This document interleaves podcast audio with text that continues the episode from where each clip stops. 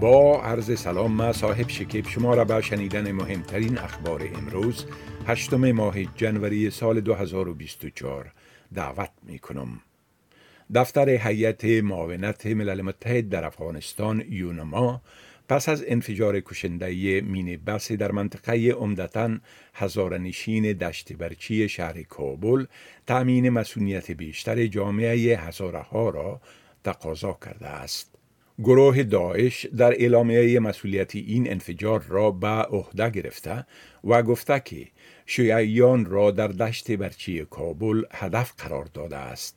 این حمله روز شنبه که در اثر آن حداقل پنج نفر کشته و پانزده نفر دیگر زخمی شدند از جانب شخصیت های سیاسی افغانستان تقبیه و ضد تعلیمات اسلامی دانسته شده است.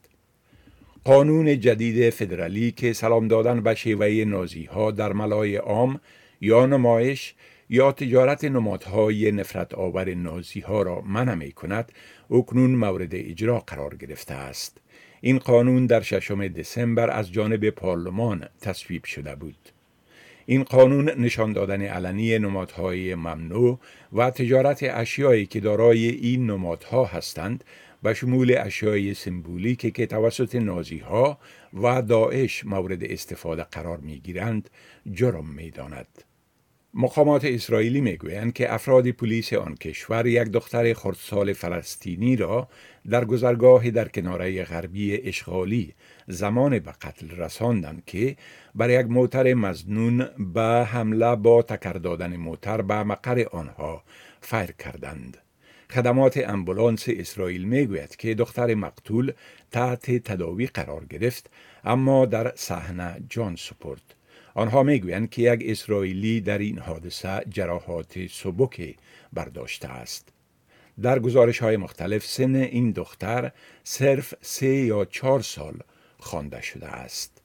ملک عبدالله پادشاه اردن به انتونی بلینکن وزیر امور خارجه امریکا در مورد پیامدهای فاجعه آمیز ادامه عملیات نظامی اسرائیل در غزه هشدار داده است.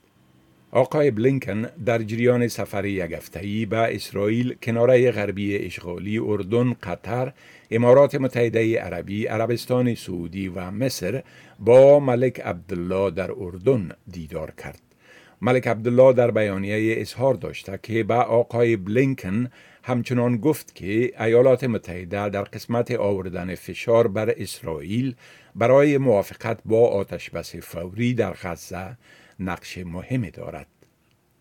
قرار است پرسونل بیشتری از قوای دفاع استرالیا برای کمک در آموزش اعضای اردوی اوکراین آزم بریتانیا شوند. نزدیک به یکصد عضو قوای دفاع استرالیا برای سهمگیری در دور اخیر کمک نظامی تحت عملیات در حال گسترش کودو و بریتانیا پرواز خواهند کرد. مت تستلتویت سرپرست وزارت دفاع می‌گوید که قوای دفاع استرالیا نقش مهمی در حمایت از مبارزه اوکراین علیه تهاجم روسیه ایفا می کند.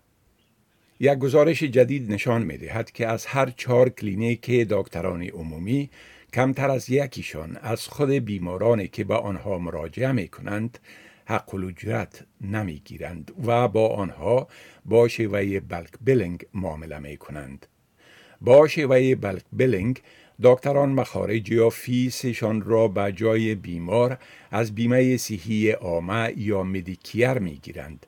بنابراین بیماران در وقت مراجعه به دکتر هیچ پول از جیب خودشان نمی پردازند.